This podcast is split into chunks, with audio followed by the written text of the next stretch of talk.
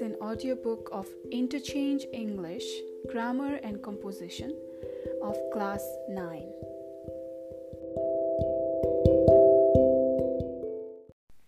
Chapter number 16, page number 220 Instructions.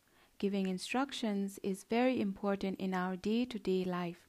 Instructions are the sets of step by step information or guidelines about how something is done.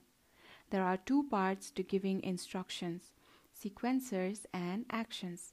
Sequencers help order your instructions. It is like the one, two, three, four of your actions. The most common are firstly, then, next, after that, finally. Actions help you give your real instructions. In order to give instructions, do one of the three things.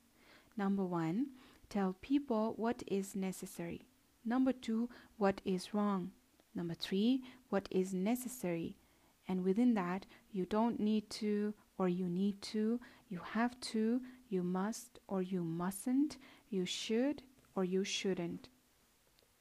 Writing help. Number eight, there are a number of words and expressions that you can use when giving instructions with different steps. These can be used in writing or speaking. First is firstly, first, the first thing to do is second, third, etc. Secondly, second, next, now, after that, then, when you're done, while you're waiting for.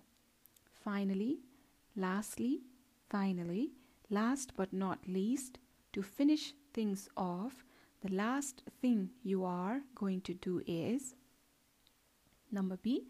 The imperative form of a verb is used for giving advice, directions, invitations, orders, and commands.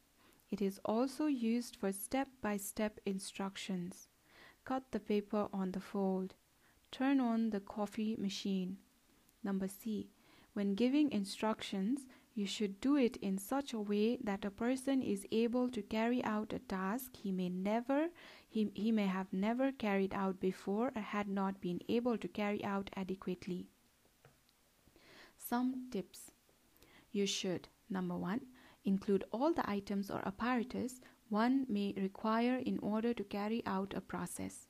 Number 2 include all the vital steps involved in the process the steps should be arranged systematically from the beginning to the very end in terms of space and time.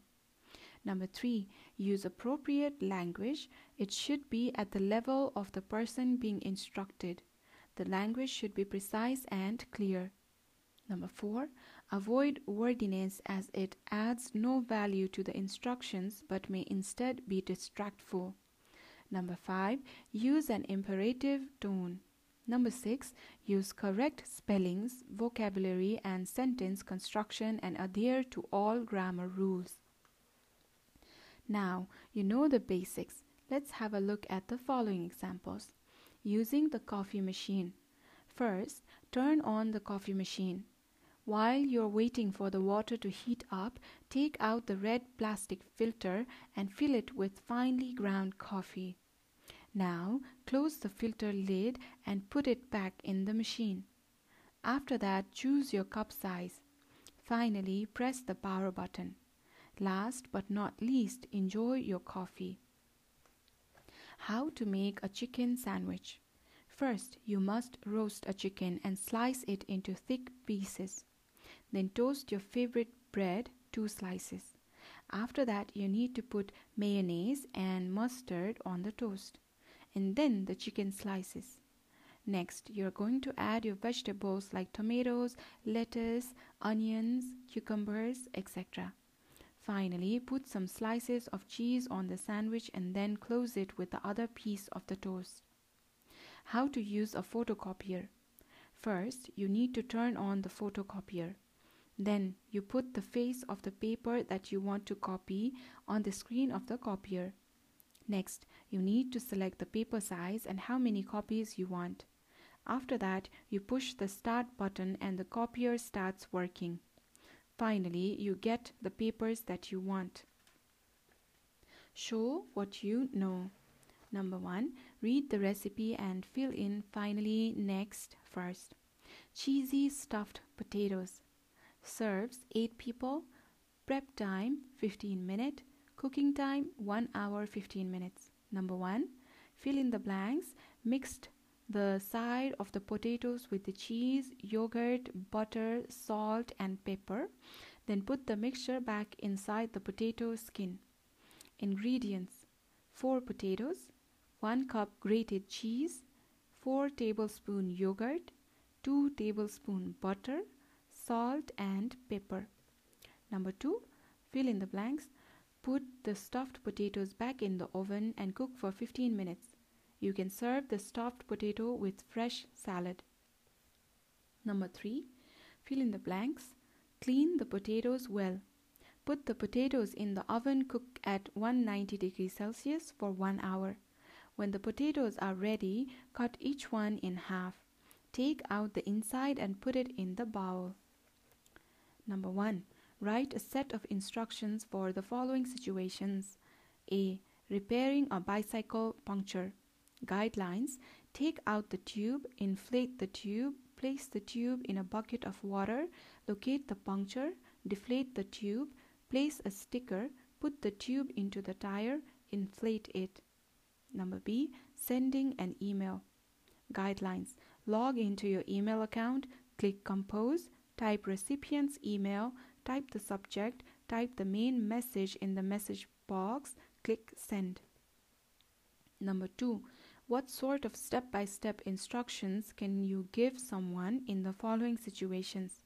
How to make a cup of coffee. How to search for a topic on Google. How to make a call on your cell phone. How to use a digital camera. How to connect Wi Fi onto your cell phone. Downloading and installing an app into, uh, onto your cell phone. Preparing, your, uh, preparing an omelette. Number three Fill in the blanks, fill in the gaps with the words or phrases in the box below to make the instruction of making rice pudding meaningful. As soon as, when, then, finally, first, after that process, as. Here is a fill in the blank for making rice pudding. Full stop. Fill in the blank of all, pour a lit- liter of milk in a heavy bottom saucepan and boil it. Full stop. Fill in the blank. It boils, comma, take out half of the milk from the pan. Full stop. Fill in the blank. Mix a cup of rice and stir, stir it with a dipper for 15 minutes on a low flame. Full stop. Fill in the blank. It becomes soft, add the remaining milk and stir it for some time full stop. Fill in the blank, add half a cup of sugar and stir it, full stop. Fill in the blank, it looks very soft, add half a spoon of cinnamon powder, comma, 20 grams of grated dry coconut, comma, 20 grams of raisins and 20 grams of fresh ghee, full stop. Stir it for a minute, full stop. Now your rice pudding is ready. Serve it on a flat plate and have it. Number 4. Look at the pictures below and write the stages of providing first aid for snake bite. Uh, I am unable to explain the picture here. Um, sorry for that. I'll move on to question number 5. Look at the pictures below which uh, describe the process of how to tie a tie.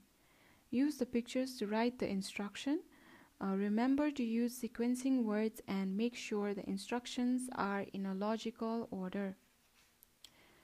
With this, uh, chapter 16 is completed at page number 223.